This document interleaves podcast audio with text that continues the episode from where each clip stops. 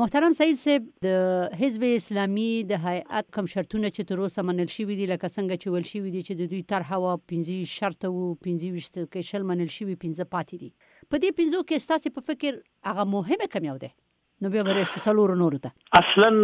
که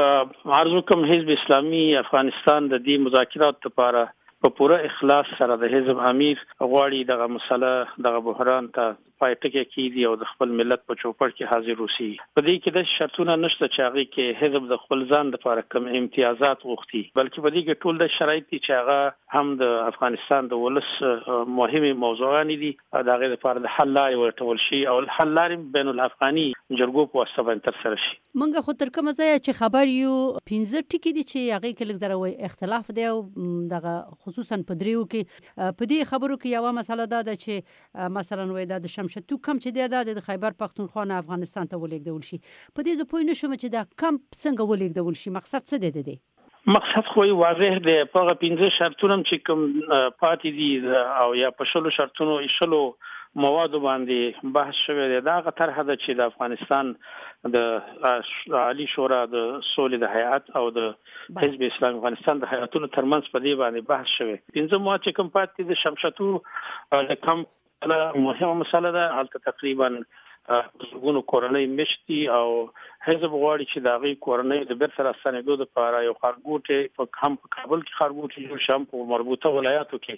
او خلکو ته د زی زیګي د تهیه د پاره اقدام وشي او چې دا یوازې د حزب موضوع نه ده بلکې دا د د دولت د مسولینو موضوع ده د مهاجرینو د وزارت په بحث کان موضوع ده چې هغه باید په دې کې دلچسپي والي د حزب په ځای باندې چې دا کم کغه کم مهاجرین ټول افغانستان ته راستانه شي په خپل هیواد کې ژوند کې د خپل ځان ته یو سرپناه ولري یعنی دا خو د مختلفو ولایتونو دي دا خلک چې تر اوسه پورې د شمشتو په کمپ کې دي څومره دي دغه مهاجر خو د مختلفو ولایاتو دي د مختلفو قومونو خلک دي درست په همدې خاطر باندې مونږ ویو چې دولت سره خبرې په همدې باندې روانې دي چې دوی ته هم په هغه مربوطه ولایاتو کې او هم په کابل شاوخوا کې د استوګنې لپاره ځای نه تهیه شي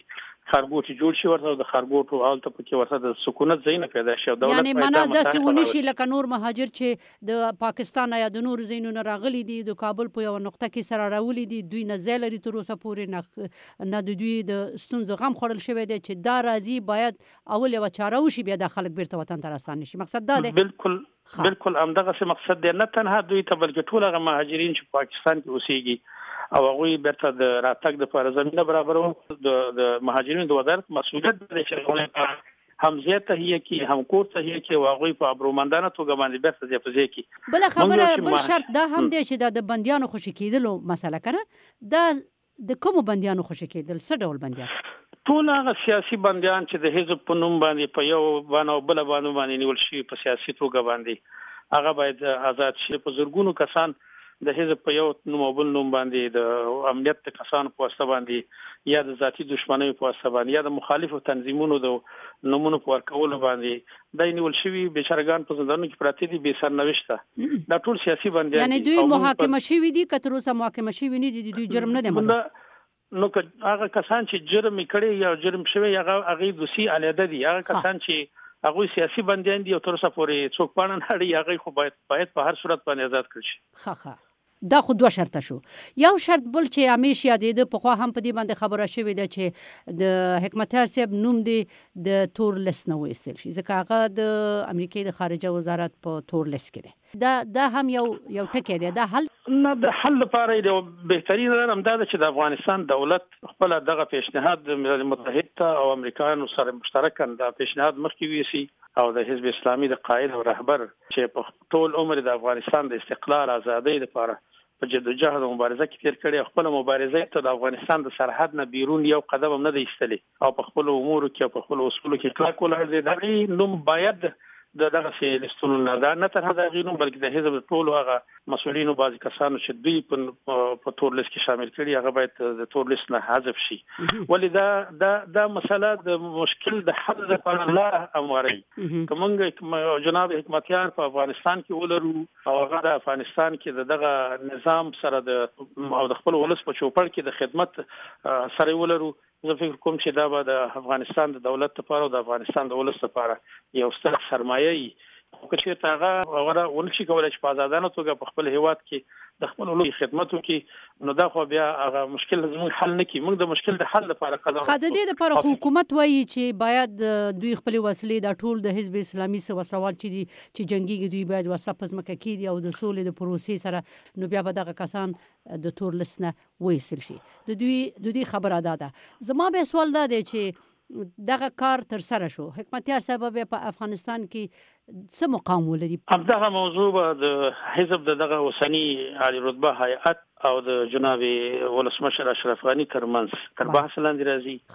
او تر څو د هغې لپاره مقام او د هغې لپاره ټول هغه مسایل چې د هغې ضرورت دی هغه امنیتي مسایل دي هغه نور مسایل دي هغه باید د دې فیصله د دې تعهد یو برخه وګرځيږي او په هغه باندې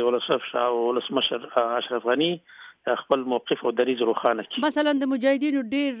پخواني کسان دي چې په افغانستان کې اوسي، کار هم کوي، مصئون هم دي، یعنې د دې کسانو غوندې به یو کس وي، دی هم داسې. حزب اسلامي افغانستان یو ډیر ستر تنظیم دی او هغه خپل سیاسي اهداف لري، خپل مرام لري او د هغې اهدافو د ترسره کولو لپاره په خپل ولس کې د خدمت لپاره. را دانګي زه په دې باندې متيقن یم چې د حزب د امیر مقام به دا غسل چې خلک تصور کوي ډیر پورته وي او هغه په خپل ولس کې د کار لپاره زمينه برابرې حزب اسلامي د خپل قوت په مطابق په افغانستان کې په راتلونکو انتخاباتو کې به برخه اخلي او ولس کې به کار کوي په د ټول ولایتونو کې به د فاتر جوړي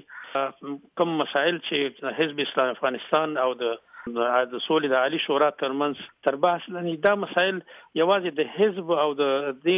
د پورې مربوط نه دي بلکې دا مسایل ټول د ټول ولس مسایل دي دا د سولې خبرې شروع شوې دي او ان شاء الله امید لرو چې دا به یو ښه نتیجې ته ورسیږي ډیره زیاته مننه قریب الرحمن سید صاحب کور دی ودان